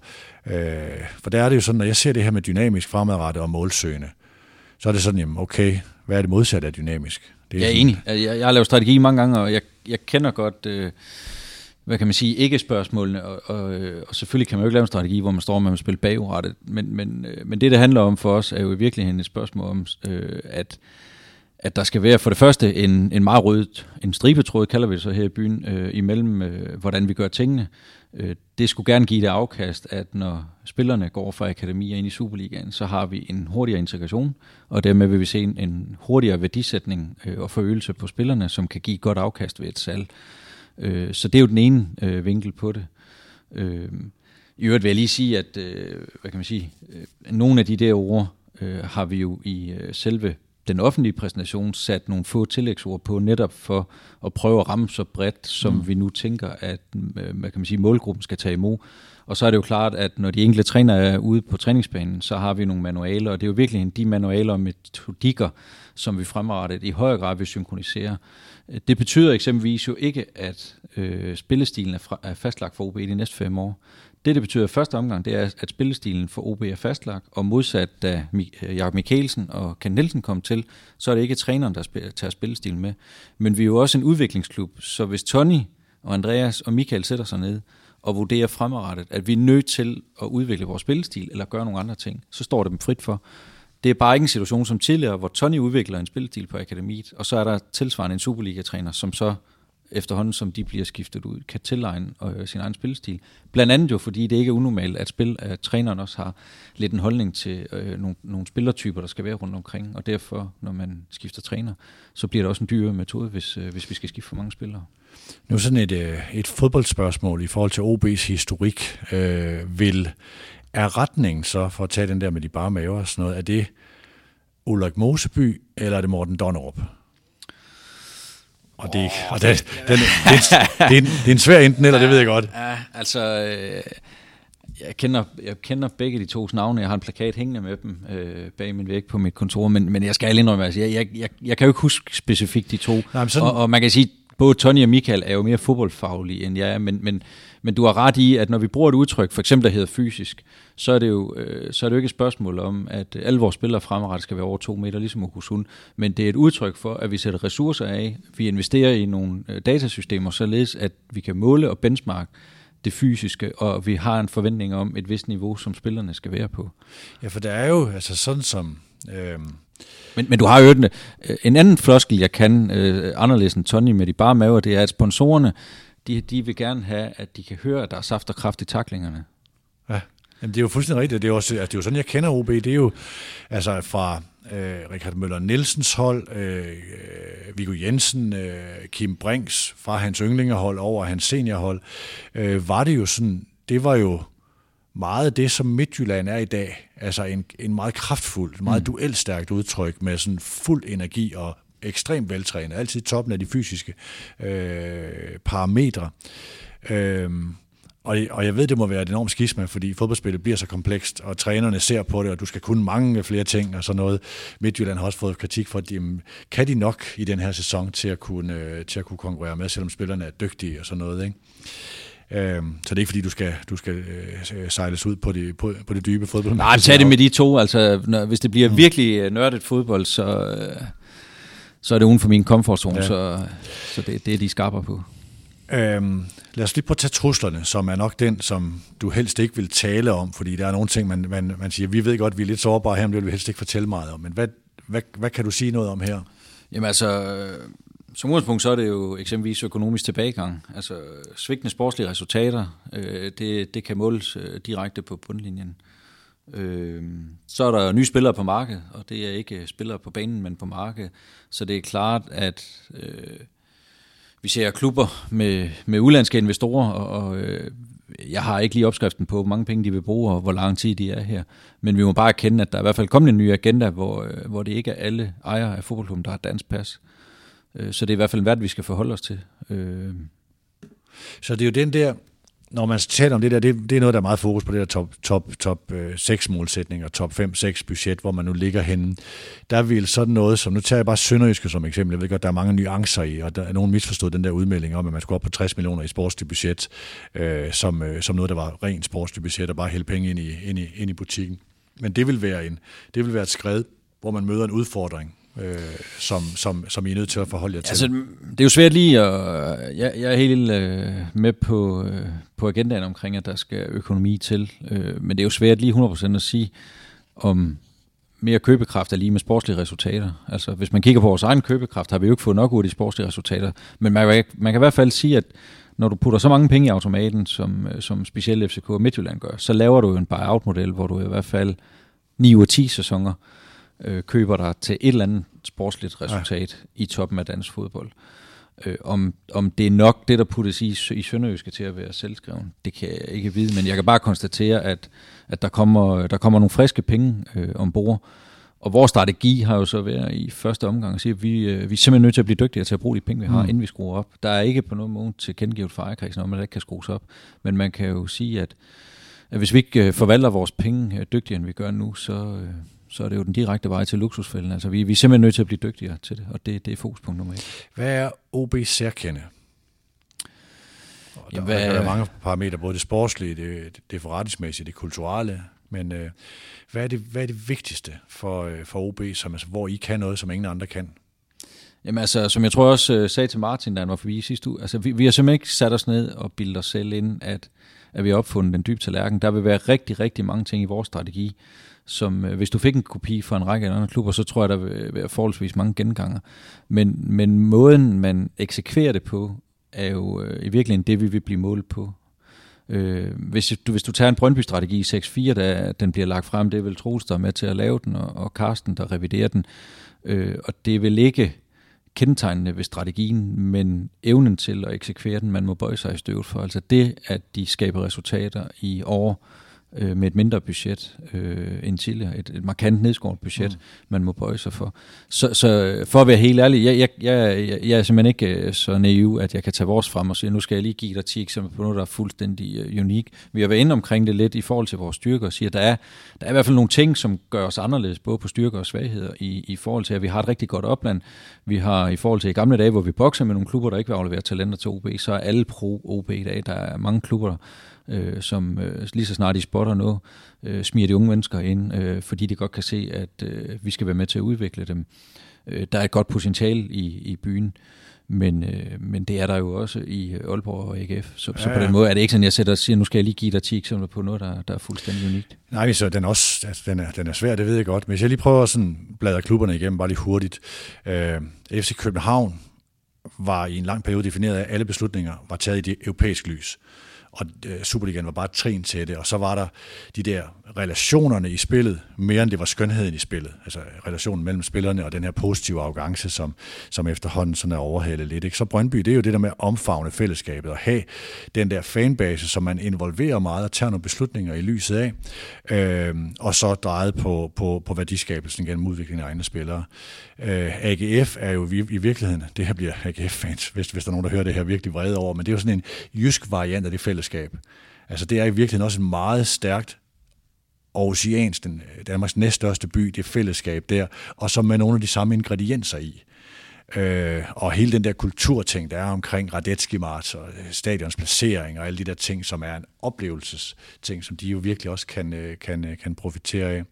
Hvor OB er måske sådan de har været dygtige til ordet Nordkraften, og nogle af de ting, der ligger i det, og deres historik med mesterskaberne, men når man så kigger på, hvordan den bliver eksekveret, der var en, der gjorde mig opmærksom på det her med, prøv nu lige at holde øje med, hvad er det, OB gør særligt, hvis du kritiserer OB? Øh, og, og, og, og det må jeg jo sige, altså, de har historikken med akademiet, de lavede en Brøndby i 2014 i forhold til at være fattige, slå hullet i væggen, og så være meget dygtig til at udvikle de spillere, der faktisk kunne bære det, og have staben og hele den der øh, ting, som, som, som ender med at lykkes i en, i en fuldbyrdelse med et mesterskab. Øhm, og hvor OB jo sådan er, altså det er jo det, jeg synes er, er, er svagheden ved OB, det er det her med, helt tydeligt kan jeg mærke, hvor OB vil hen. Hvilke ting tager de deres beslutninger på baggrund af, andet end at være fynske. Og så er der også en historik, altså, som jo er meget stærk at bygge på. Men hvad er den historik kendetegn af? Der er langt fra Ulrik Moseby til Allan Hansen, og fra, hvis du tager spillertyperne, men, men øh, jeg væver egentlig ud i sådan, den er, jeg, jeg kan godt forstå, at den er svær.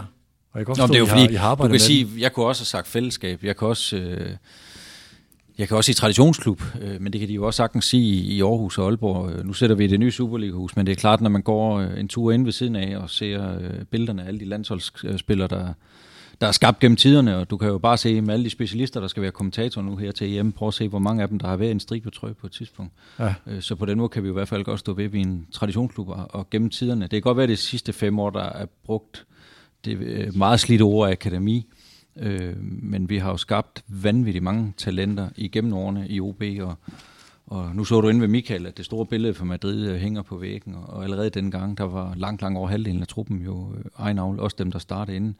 Nu er det bare blevet moderne at kalde det akademi, men før mm. havde man vel bare en ungdomsafdeling. Men jeg tror jo bare, når de spørgsmål går på, at vi skal definere, hvad vi er unikke, hvis jeg så sagde, at der var noget af det, der var unik, så, så er jeg helt sikker på, at så sætter der også en lytter derude, der, der tænker, at det er alligevel ikke så unikt, for det har vi også fundet på i Aarhus eller Aalborg. Så det er vi meget, meget bevidste om. Jeg, jeg tror simpelthen ikke, vi har opfundet en dyb tallerken, men jeg tror, vi er blevet meget skarpe på den retning, der er i strategien. når vi lægger så meget frem, mm. som vi trods alt gør, så har vi forpligtet os til at eksekvere på det. Vi har på den måde næsten lagt os selv i benlås. Ja. Fordi nu kan du bare tage tabellen og omsætningstal og tilskuertal og det ene og det andet, øh, og så vil vi jo blive holdt op på det. Ja. Og det er en den måde, jeg også arbejder rigtig godt med. Jeg vil gerne have et afstemt balance mellem øh, bestyrelse, hvad vi skal performe, øh, og jeg har ikke noget problem med, at vi lægger vores målsætninger frem. Ja, for det er eksekveringen. Der er det, 100%. Der er det centralt i det. det, andet, har, det er jo, har det været altså, svært indtil nu, fordi I ikke havde tilstrækkeligt klare pejlemærker? altså, man kan jo sige, at øh, for at være helt ærlig, altså, øh, du er jo nødt til i, i den periode, når du skal genoprette økonomien, og i øvrigt øh, for OB's vedkommende har der jo også været en periode, hvor vi bare må erkende, at, at vi har fokus på at skabe nogle ordentlige faciliteter. Øh, nu har du selv været rundt i dag og se øh, alle lige fra Superliga-hus til, øh, til en snorlige bane 1 til de nye kunstbaner. Øh, men, men i en periode, og det har vi jo også fået noget berettiget kritik for, at, at i en periode har vi egentlig haft et fornuftigt sportsligt budget, men alt, alt for dårlige øh, faciliteter. Øh, og man kan jo ikke det hele, og det er jo også derfor, man kalder det strategi og en retning, og så har vi gjort os nogle tanker om, at der er noget, der er vigtigere i 22 end 23, men der er også noget i 23, der er vigtigere end 24. Men, men når vi har 47 actionpunkter, så vi ikke sætte det hele i gang på én gang, og det gør vi heller ikke. Øh, så, så der er helt klart stadigvæk noget at arbejde med. Men vi er også nået langt. Når du nu kigger ned på den selv der og, og ser, hvor langt akademiet er kommet, de resultater, som akademiet performer, også i øjeblikket. Så, så det, man skal huske på, selvom jeg godt ved, I gerne vil alene måle øh, Superligans resultater, så måler vi jo, hvis man nu forestiller sig, at vi havde virksomheden øh, OBAS, nu er vi inde på tidligere, vi har ikke sådan et CVR-nummer, men, men så vil jeg jo stadigvæk sige, vi har underperformet på Superliga, cirka to placeringer dårligere. Altså vi har placeret os øh, som gennemsnitlig 7,4 gennem de sidste fem sæsoner. Det er to placeringer dårligere end vores økonomi. Men tager du den samme på akademiet, så har vi overperformet. Hvis du tager vores evne til at fastholde sponsorer og omsætning i samme periode, så har vi lavet en rigtig god performance. Og hvis du tager vores øh, tilskuertal øh, mål i forhold til styens, øh, byens størrelse, en, en rigtig god performance. Så når man kigger på virksomheden som helhed, så er det jo ikke sådan, at vi sætter øh, i, i øh, bestyrelseslokalet, og så, og så har vi syv punkter på agendaen, og så lyser det hele bare rødt. Øh, men resultaterne øh, for Superligaen lyser rødt, og det er vi selvfølgelig ikke tilfredse med, og det er også det, der ligger i den plan, vi har gjort, at vi selvfølgelig spejlet til nogle af dem, der har været dygtigere end os, øh, og kigget på, at, at der er nogle steder, hvor vi skal udvikle os. Jeg kan lige sige til den her licensrangering, øh, for, øh, for drenge, øh, eller for den mandlige del for øh, U15, U17 og U19, der ligger Nordsjælland øh, nummer 1, FC København nummer 2, FC Midtjylland nummer 3 og Brøndby nummer 4, så kommer OB, øh, og det er altså foran AGF og øh, Lyngby Silkeborg OB. Øh, hvordan har du det med OB's fans. Jeg blev mærke i i går det der, eller jeg, jeg, jeg, jeg, jeg søgte lige på nogle ting, sådan for lige at, at forberede mig på samtalen. Her der er det der OB Forum, eller Forum OB, hvor du der er nogen, der opretter en, en, en Enrico Agustinus-tråd i 2018, hvor du tiltrådte, og efter noget tid, så kommer du ind i den og siger, jeg skulle lige oprette og så kommer du ind som junior-medlem i det her debatforum, og har så en, øh, en øh, eller, eller, eller deltager i debatten. Jeg ved ikke, hvor meget du gjorde det, øh, men hvordan har du det med OB's fans? Jamen, jeg har det rigtig godt. Øh, vi havde jo øh, fantalk i fredags, desværre jo ikke øh, som, som fysisk rammer. Øh, vi har møde her klokken 17 med fanpanel. Det er 14 medlemmer, som repræsenterer bredt øh, vores fan, hvor vi har et par timer og har en workshop, hvor, hvor vi øh, lytter øh, til dem i forhold til, øh, til nogle input, og de får også øh, ligesom du, et, øh, et godt indblik i strategien, og, og nogle gange, når man øh, lige sætter med dem, så, øh, så kan man jo altid lige slå en, en lille ekstra krølle, eller fortælle en historie på det. Så, så det er, jeg, jeg synes, jeg har et godt forhold til dem, men det er da klart, i hverdagen, så er jeg nødt til at forholde mig til at drive en virksomhed, og jeg er nødt til at forholde mig til, at øh, der står altid ned for enden øh, cirka 2.000 sportsdirektører, og de har dommerkort alt sammen, og de er ikke altid enige i, hvad vi træffer af beslutninger. Øh, og, og det er jo fair nok. Øh, og jeg har jo selv stået dernede på et tidspunkt, og efterfølgende har jeg jo også siddet på Albanitribunen, tribunen Øh, så, så det er jeg også meget bevidst om, at øh, en gang imellem vil jeg gerne fortælle dem, hvad vi gør. Øh, nogle gange vil vi også gerne give dem noget credit og sige, øh, nu, det har vi faktisk lyttet til, øh, at, at det er vi nødt til at være opmærksom på. Hvad er de mest markante ting i din tid, øh, sådan i forhold til Øh, der har været noget med måske med Lars Høs position i forhold til klubben. Der har været noget med måske Richard Møller Nielsen tribunen. Det var nogle ting, jeg hæfter mig ved at sige. Der, der sker noget i OB her. Mm. Jamen altså, måske virkelig det mest, øh, eller noget af det mest markante, der vel er sket, det var jo, at vi øh, for 14 dage siden meldte ud, at at alle de andre øh, Old Boys-spillere, som jeg har været ude i en periode, jeg, jeg kan altså ikke 100% historien, hvad der skete for mange år siden, men jeg har været en del af det sammen med OB's amatørformand Claus Eder i, at at selvfølgelig skal alle de gamle OB-spillere tilbage og spille i en strivtrøje, og, og det har Claus arbejdet rigtig dygtigt på, og jeg har været med til at kunne skabe en lille smule økonomi, som gør, at det kunne balancere så det er jo et meget godt eksempel på nogle forfærdelige Gjorde historier. de ikke det, eller hvad? Nej, de har jo øh, i en lang, lang Nå, periode... den der, ja, ja, yes, ja. Alle de gamle KF'er har jo kørt, tror jeg, i en klub, Ja. der hedder AC Odense, Ja. ja. og har ikke spillet i OB i en årrække. Og jeg kan altså ikke lide historien øh, fra tidernes morgen, hvad der er gået galt. Øh, men, men det, man selvfølgelig skal være opmærksom på en gang imellem, det er jo, at der er jo selvfølgelig en amatørklub, der hedder OB, som har en forening med en frygtelig masse medlemmer i, som spiller fodbold hver dag. Og så har vi et professionelt selskab, som låner licensen og driver en forretning.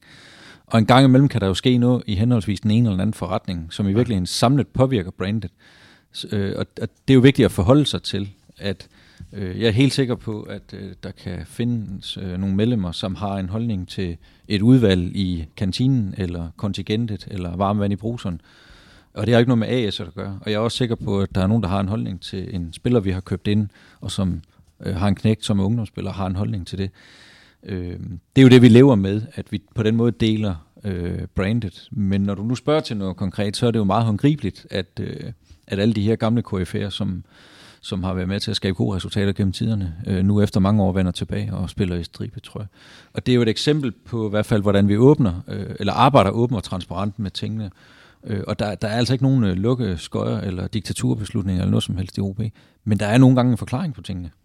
Øh, Så lige et spørgsmål om, øh, nu skal du ikke sidde og bedømme trænerens øh, fodboldfaglige kompetencer, men sådan, jeg går ud fra, at den her strategi, det er at eksekvere på at opfylde målsætningen om fast del af mesterskabsspillet, i modsætning til en gang på de seneste 10 år, handler blandt andet om kontinuitet.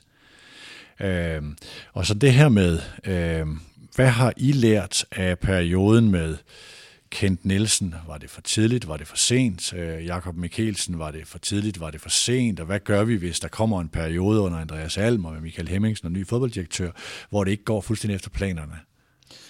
Jamen, altså, jeg vil ikke sætte og kloge mig på tidligere træner, som har været helt eller delvis med i, i, øh, i min tid, men, men jeg kan i hvert fald sige, at øh, præmissen for måden Andreas er ansat på, er jo i hvert fald anderledes end tidligere.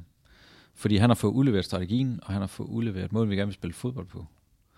Så, så det, det er den mest markante ændring. Så er fodbold jo en agil verden, hvor vi, selvom vi lægger strategier, og selvom vi lægger årlige budgetter, så en gang imellem, så, så er man nødt til hurtigere at have fat i et gashåndtag og gøre nogle ting, øh, fordi tingene ikke lige går.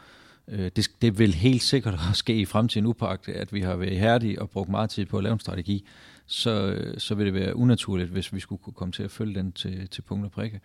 Men der er jo så også mulighed for at lave en overperformance, øh, så, så det modsatte kan jo også gøre sig gældende, mm. at man rækker ud efter top 6, men øh, lander i top 4.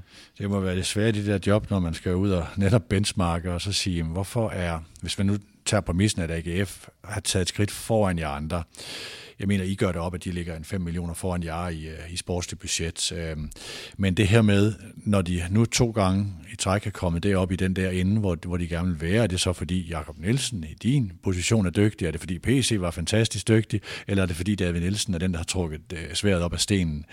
Altså, der er vel, for at lave bare den smule sammenligning, man nu kan lave, der er vel meget øh, på spil i forhold til, at I rammer rigtigt på Andreas Alm som træner, og på den fodbolddirektør, I skal rekruttere. Jamen altså, jeg vil sige øh, generelt, når vi, øh, når vi ansætter folk, så, øh, så forsøger vi at ramme plet hver eneste gang. Øh, Hvis vi skal uansætte en ny sælger i morgen, så skal han være lige så kompetent og kan øvrigt være med til at, at skabe et godt kommercielt grundlag, øh, Mm. som, som kan sikre, at vi kan øh, hvad kan man sige, have de sportslige øh, ambitioner og forventninger, som vi har. Så, så det er vi altid ambitiøse på. Øh, det, det er ikke sådan, vi siger, at vi, vi har to ud af 10 rekrutteringer, hvor vi skal være ekstra ihærdige. Vi skal altid være ihærdige. Vi skal altid skaffe dygtige øh, medarbejdere. Og gudskelov er OB et rigtig godt og stærkt brand, så der er stor interesse øh, for, for virksomheden. Øh, Når det så er sagt, så gjorde vi jo så også det ekstraordinære, som vi vel i en række medier fik credit for, og nogle enkelte ikke forstod det, at vi siger, jamen øh, nu prøver vi at række ud efter at få ekstern konsulenthjælp og få to sæt ekstra øjne på mm. til at sikre, øh, når man kigger på de knock-out-kriterier, som vi har sat op til, øh, til en træner og efterfølgende til en fodbolddirektør, øh, så bruger vi lige en second opinion og får afdækket det marked. Dels for at sikre, at øh, der ikke er en kandidat på det skandinaviske marked, vi har overset, øh, og dels øh, nogle input til at sikre, at de kriterier, vi har sat op, er det så dem, vi rammer med den rette profil. Nu har Allan Gorte jo fået kunder med OB med det her, men kunne han selv være fodbolddirektør? Det tror jeg faktisk godt, han kunne. Ja. Det tror jeg. Han har prøvet noget, der ligner det meget. Ja, absolut. Hvad med, øh, jeg når aldrig rigtig at få snakket med Troels Bæk, når jeg møder ham om, hvad er det egentlig, der sker? Hvad vil han i går? Der skulle vi nå at snakke med Alexander Zorniger, der, der var på besøg i studierne. Hvor er Troels hen i forhold til OB? Jamen altså, som udgangspunkt, så vil jeg helst ikke uh, sidde og udtale mig om individer. Troels er jo bosat uh, næsten lige ved siden af, så, så en sjældent gang ser jeg, at han er ude og løb i området. Jeg skylder ham jo en hu, for han render rundt med noget med Brøndby på. Men, uh, men det er jo også, kan man sige, så der, jeg kan sige, der er voldsomt stor interesse for stillingen, så, så lige nu, uh, der, der er vi i proces med det, og, og der har ikke... Uh, så der er gode emner? Nå, men altså, jeg går da ud fra, at Troels er gode venner af huset. Jeg kan da se, at han fra tid til anden, og børnene øh, er i området og, og, og har det rigtige logo på, men, men, øh, men det år, kan man sige, så... så jeg, lige, godt lide, jeg ved godt, det, det er svært for dig at snakke om navne, men, men øh, det der med det fynske og hvem er mest oplagte, jeg kunne forestille mig, at nogen har sagt, hvad med Bo Henriksen? Skal han ikke, øh, da I skulle bruge en træner og sådan noget, så er der nogen, der siger, hvad er Bo egentlig? Er han kun motivator, eller er han også taktisk dygtig nok? Og pludselig dukker han op som Midtjylland og manager der. Gibbede det lidt i, der, i, i dig eller jeg, da I så den nyhed fra, fra Herning? Øh, altså jeg kan sige det på den måde, at øh, havde du spurgt om, om vi satte en skilling på det, så, så, så har vi ikke gættet det. Så, så det kan være, at øh, det er måske et meget godt eksempel på, at jeg ikke har indblik nok i fodboldverdenen, for den har jeg ikke set komme. Nej, lad os se, hvordan det går. det, kan jo, det, kan jo gå, det kan gå mange veje, det der. Ja. Øh, lige til sidst, øh, spørgsmål om sådan øh, inspiration og pejlemærker, forbilleder. Øh, tør du sige noget om, hvem det er så nationalt? Nu har I nævnt en, en parallelitet til Brøndby i forhold til, hvad man gør ved budgettet og hvad man gør ved talenter, som en strategisk bevægelse. Øh, der kunne være noget Nordsjælland. Øh, hvad er det herhjemme? Og så lige til sidst det, det, det internationale derefter. Nej, men altså, som jeg også sagde i sidste uge, øh, ja, vi, øh, jeg, jeg brugte nok i virkeligheden lige mere Brøndby som eksempel, fordi de jo lige øh, dagen før var blevet danske mester, og det har vi stor, stor respekt for. Det er rigtig flot arbejde, men, men øh, i og med, at vi startede strategiarbejde tilbage i september måned, øh, så vil jeg da gerne indrømme, at, at klart i det meste, der benchmarker vi mod AGF og OB. Og det er jo lidt i sammenhæng til øh, byens størrelse, øh, den konstruktion, øh, der er, øh, antal øh, virksomheder i byen, portefølje. Altså der er bare nogle tal, som gør jo, at Aarhus er selvfølgelig lidt større, og Aalborg en lille smule mindre, men, men det er mere rimeligt at sammenligne med dem, øh, end, end at sammenligne øh, med en række andre klubber. Øh, så, så de, de øh, væsentlige benchmark-tal, der er det, der dem, vi har spejlet til. Men, øh, men altså sportslige resultater der, og, og hvad man får for hver krone, der har vi jo kigget hele Superligaen igennem. Og har selvfølgelig også noteret os nogle klubber, som, som skiller ud. Men, men det overordnede, øh, når, når vi også har lagt nogle, nogle kommersielle målsætninger for, hvordan vi vil vækste, og, og hvor mange øh, tilskuere der skal på lægterne i forhold til byens størrelse, så, så er det enkeltstående de to klubber, som, øh, som vi øh, har kigget mest til. Øh, mange spørger jo hele tiden til Nordsjælland i forhold til akademi, men, men det jeg synes, man måske glemmer lidt, og det er i hvert fald den, det, den måde, vi har valgt at gribe det an på, det er jo, at da Nordsjællands akademibudget fylder så meget, så vælger vi jo også at lægge akademibudgettet ind som en del af Nordsjællands samlede budget. Så hvor nogen mener, at de har det syvende største budget, så mener vi, at de har det fjerde største budget, fordi det svarer lidt til et husstandsbudget uden øh, el, vand og varme, øh, hvis man sammenligner det, fordi det er jo så stor en fødekære, og, og man kan sige, de det, det, det, hvor andre måske køber sig til den portefølje af spillere, så kommer det jo så ved en, en så massiv investering i akademiet. Så du sige, så, hvad I sætter dem til? Hvad siger du? Så du sige, hvad I sætter dem til? Øh, Nordsjælland? Ja. ja. vi sætter dem til en fjerde største økonomi. Men det vil sige, det er over 45? Ja, det er meget mere. Ja. Altså den samlede økonomi i forhold til Superliga og Akademi slået sammen, det er meget mere end det. Ja. ja.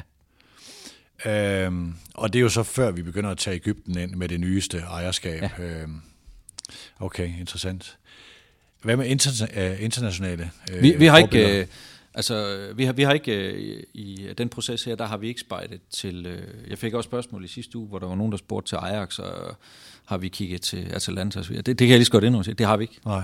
Overhovedet ikke. Altså, der, der er ikke noget, hvor vi har... Og det er måske i virkeligheden også et, et udtryk for at sige, at... Øh, det har vi måske virkelig gjort, hvis, øh, hvis vi også havde et, øh, et større bedre indblik i, øh, i, i det internationale, øh, og vi havde nogle samarbejdsklubber og nogle benchmark-data den vej rundt. Vores fokus har været det danske. Så, så udfordringen er, hvis du spørger mig til det spørgsmål, og vi slynger nogle klubber ud, så bliver det jo et eller andet hjerteblod, eller hvad vi har læst i visen, så det vil jeg hellere være fri for. Ja, ja. Jeg havde en målsætning om sådan mellem 60 og 75 minutter på, øh, på det her, og vi nærmer os de, øh, de 73 nu. Ikke? Er der noget, Enrico, som, øh, som du gerne vil have med, som vi ikke har været inde på i forhold til OB's øh, nyligt udmeldte strategi? Jeg synes, øh, jeg tænker, vi, vi er kommet rigtig godt omkring at øh, nå op på 15 interview øh, torsdag, så jeg tænker da også, at øh, hvis der er nogen, der har abonnement på, på bold.dk eller andre fodboldmedier, så, så har de da snus godt til det. Så øh, jeg synes, der er, der er, der er været mange øh, super interessante spørgsmål, og, og jeg synes da også, øh, vi har lagt os i selen for at svare på det meste. Altså, vi, øh, det er meget sjældent, vi har sagt ingen kommentarer, og vi har egentlig mm. prøvet at uddybe så godt vi kunne. Øh, og, og så må I jo have den respekt, at, at øh, spillerbiblen, eller spillestilsbiblen, den forbliver i, øh, i reolen øh, et stykke hen ad vejen. Men, øh, men vi har i hvert fald kunne åbne så meget op, som, som vi gerne vil. Ja, det er i hvert fald det er, det er jo det, vi skal følge nu i forhold til, hvad er det så, man kan se i, i, i de retninger, der bliver eksekveret, fordi strategi er en ting, det er jo eksekveringen af det, der er interessant. Yes. Jeg vil sige tusind tak for snakken. Ja, selv tak. Det skulle det være en anden gang. Gerne. Det her var Mediano Bosworth. Turen til Ådalen er tilbagelagt i en Audi Q3. Audi er vores businesspartner. Partner på Bosworth, det er Private Banking fra Arbejdernes Landsbank. Tak til dig, der har lyttet, ligesom tak til Enrico Agustinus.